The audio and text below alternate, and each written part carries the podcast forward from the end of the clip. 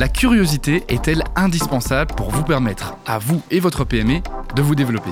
Et préférez-vous dès lors vous entourer de personnes curieuses? Ou est-ce que trop de curiosité justement fait obstacle à l'efficacité et à la productivité?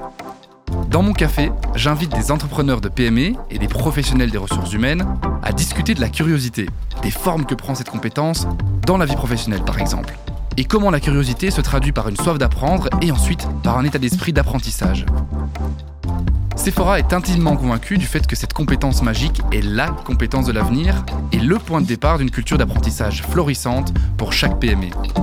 Vous ne voulez manquer aucun épisode de Café Curiosité? Abonnez-vous dès maintenant à ce podcast de Sephora réalisé pour et par des esprits curieux.